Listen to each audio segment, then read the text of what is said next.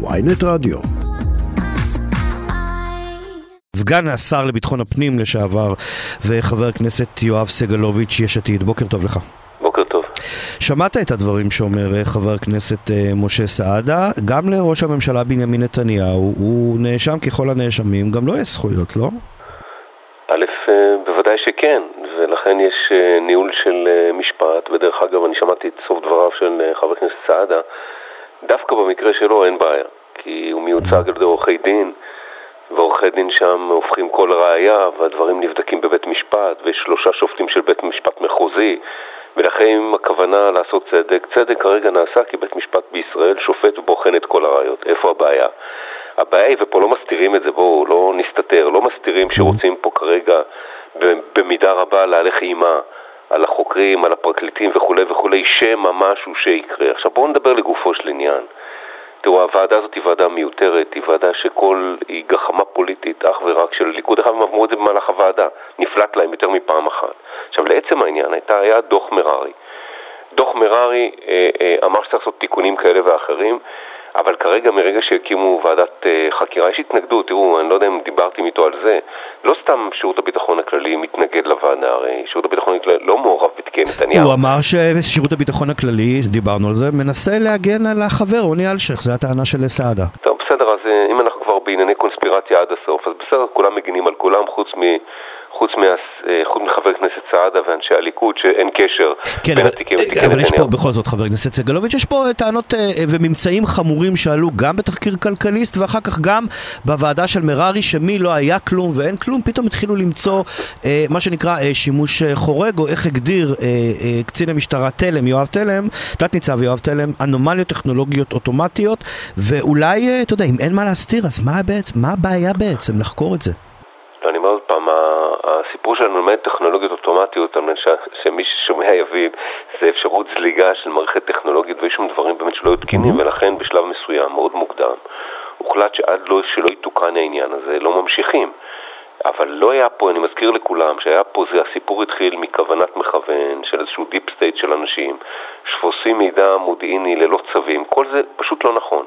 דוח מררי לא בא ואמר הכל בסדר, הוא אמר מה צריך לתקן. עכשיו, זה לא שכנע את האנשים, כי אמרו, יש פה כוונת מכוון. עכשיו, אני רוצה להגיד לכם עוד משהו שאולי הציבור פחות יודע. יש בדיקת מבקר מדינה שהחלה, לדעתי, למעלה משנה. אפילו ברמה המקצועית, שיש דוח, שיש מבקר מדינה שבודק, מבקר מדינה בוחן את כל הדברים כולם, הוא לא סיים את המסקנות שלו. מה רץ וממהר יריב לוין? למוע, מדוע הממשלה עם כל מה שקורה פה עכשיו ממהרת כל כך? היא ממהרת משיקולים, רק שיקולים בלתי ענייניים. תראו, הכל בסוף, כל מה שקורה פה במדינה הזאת, או לא כל, הרבה מאוד מהדברים, ודאי במערכת המשפטית, סובבים סביב דבר אחד. אומרת, איש אחד, בנימין נתניהו, שהיום הוא הודיע קבל עם ועדה, הוא באמת, אנחנו מודים לו מאוד שהוא לא יצביע על זה היום. אבל אני אומר, יש פה אנומליה, לא אנומליה טכנולוגית, אנומליה אה, אה, מנהיגותית במדינת ישראל, מה שקורה פה כרגע.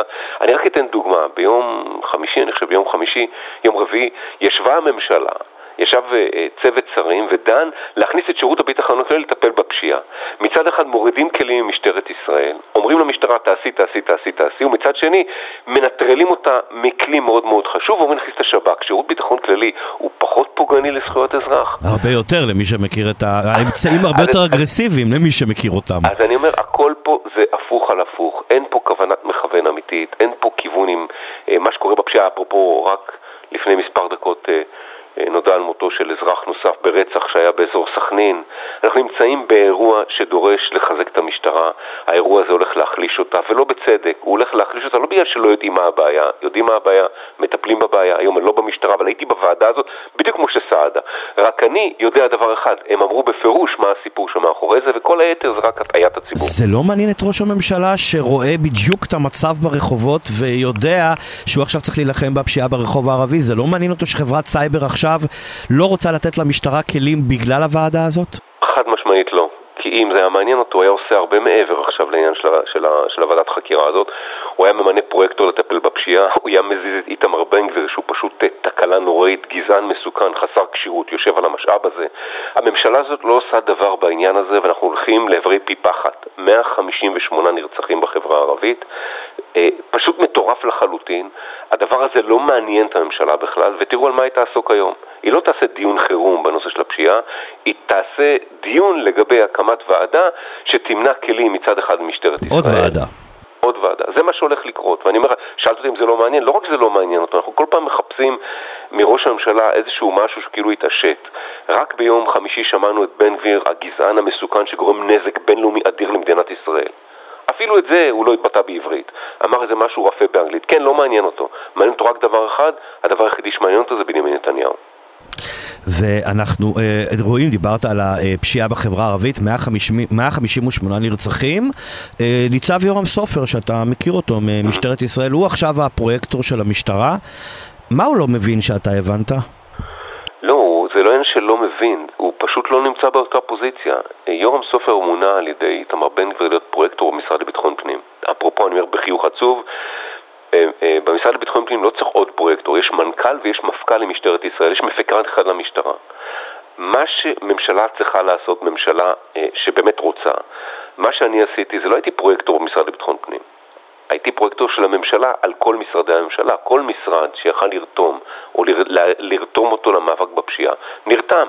ישבתי בראש צוות שבו ישבו מנכ"לים של כלל משרדי הממשלה, והייתי יכול להפעיל את הממשלה מתוך הכוח שראש הממשלה נתן באותה החלטת ממשלה. זה לא עושים היום בשום מקום. אין מאבק ממשלתי בפשיעה.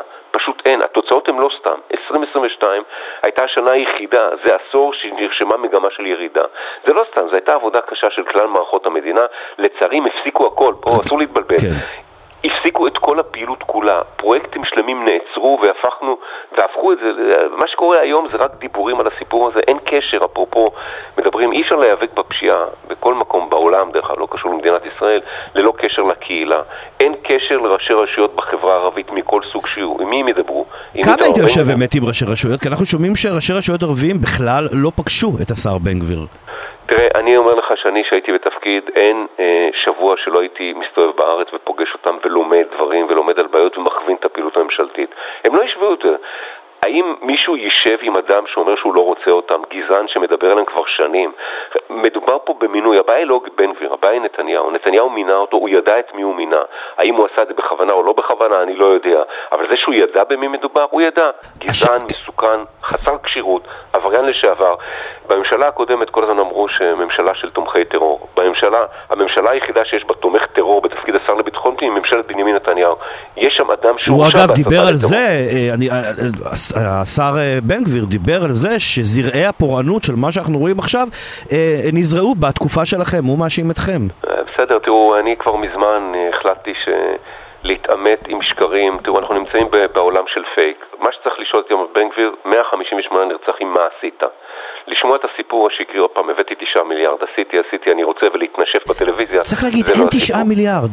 אין תשעה מיליארד, נכון, אה, חבר הכנסת סגלוביץ'? למיטב ידעתי אין תשעה מיליארד, אבל איתמר בן חוזר על זה, ואני מזמין את כולם לבדוק את התשעה מיליארד האלה. תראו, אנחנו מדברים פה בשקרן פתולוגי, עבריין וסוכן כאוס. זה האיש. וכל פעם מחדש אנחנו מחפשים לראות האם, האם הוא השתנה. הוא לא השתנה. תמונתו של ברוך גולדשטיין שהוא הוריד אותה מהסלון שלו, אולי הוא זיז אותה למקום אחר.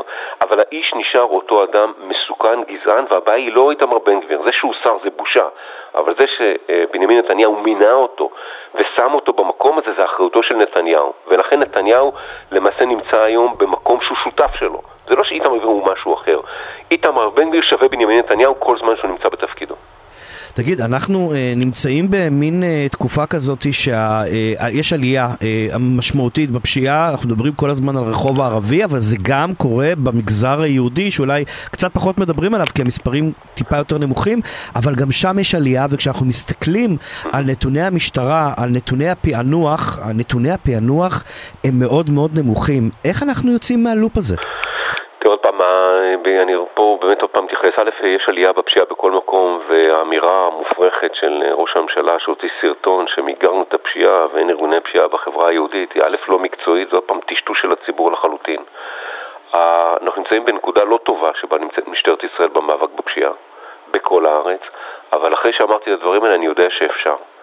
אה, מרגע שממשלה מחליטה שהיא רוצה, אבל מחליטה ברמה הכי משמעותית, ומתייחסת למשטרה כמשהו שצריך לטפח אותו ולא לחוות בו, ושמה את האנשים הנכונים במקום. זה סיפור של מנהיגות, זה סיפור של ידע מקצועי, זה סיפור של אכפתיות וסיפור של אורך נשימה.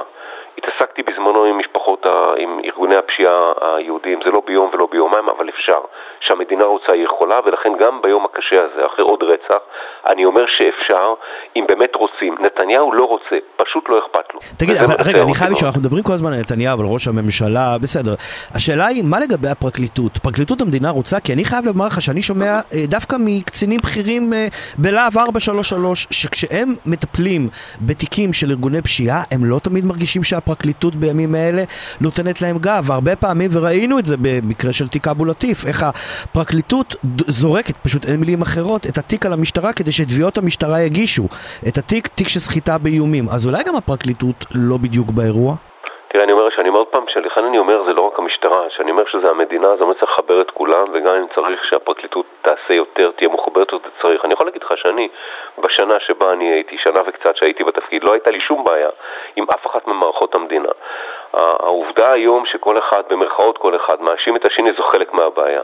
זה סיפור של חיבור כלל הכוחות, כלל משרדי הממשלה, זה משרד האוצר ולטפל בשוק השחור. זה אוסף של מאות פעולות שצריך במקביל וצריך ראייה כוללת. היא פשוט חסרה היום. אבל מעבר לסיפור המקצועי, אין פה שאלה של אכפתיות, סיפור של רוח. אנחנו נמצאים בתקופה של רוח רעה, הרוח הרעה הזאת נותנת תוצאות נוראיות. ואני גם היום, ביום הקשה הזה, אומר לממשלה להתעשת, לא מאוחר מדי. בנימין נתניהו, תחליט שזה מספיק חשוב לך, תגיד שאתה עומד בראש צוות שרים, תמנה סוף סוף צוות שרים, תמנה פרויקטור במקומי ותיקח את הממשלה לעשייה ולא לדיבורים. כשיש לך אנשים גזעניים כמו סמוטריץ' מצד אחד, בן גביר מצד שני, אין ציפייה, אין לי ציפייה מהאנשים האלה לכלום. אולי הפתרון, אולי הפתרון זה שאתם, יש עתיד והמחנה הממלכתי, בני גנץ, תיכנסו לממשלה ואולי אפילו אתה תוכל לחזור לתפקיד הזה ולשנות פה את המצב, לא?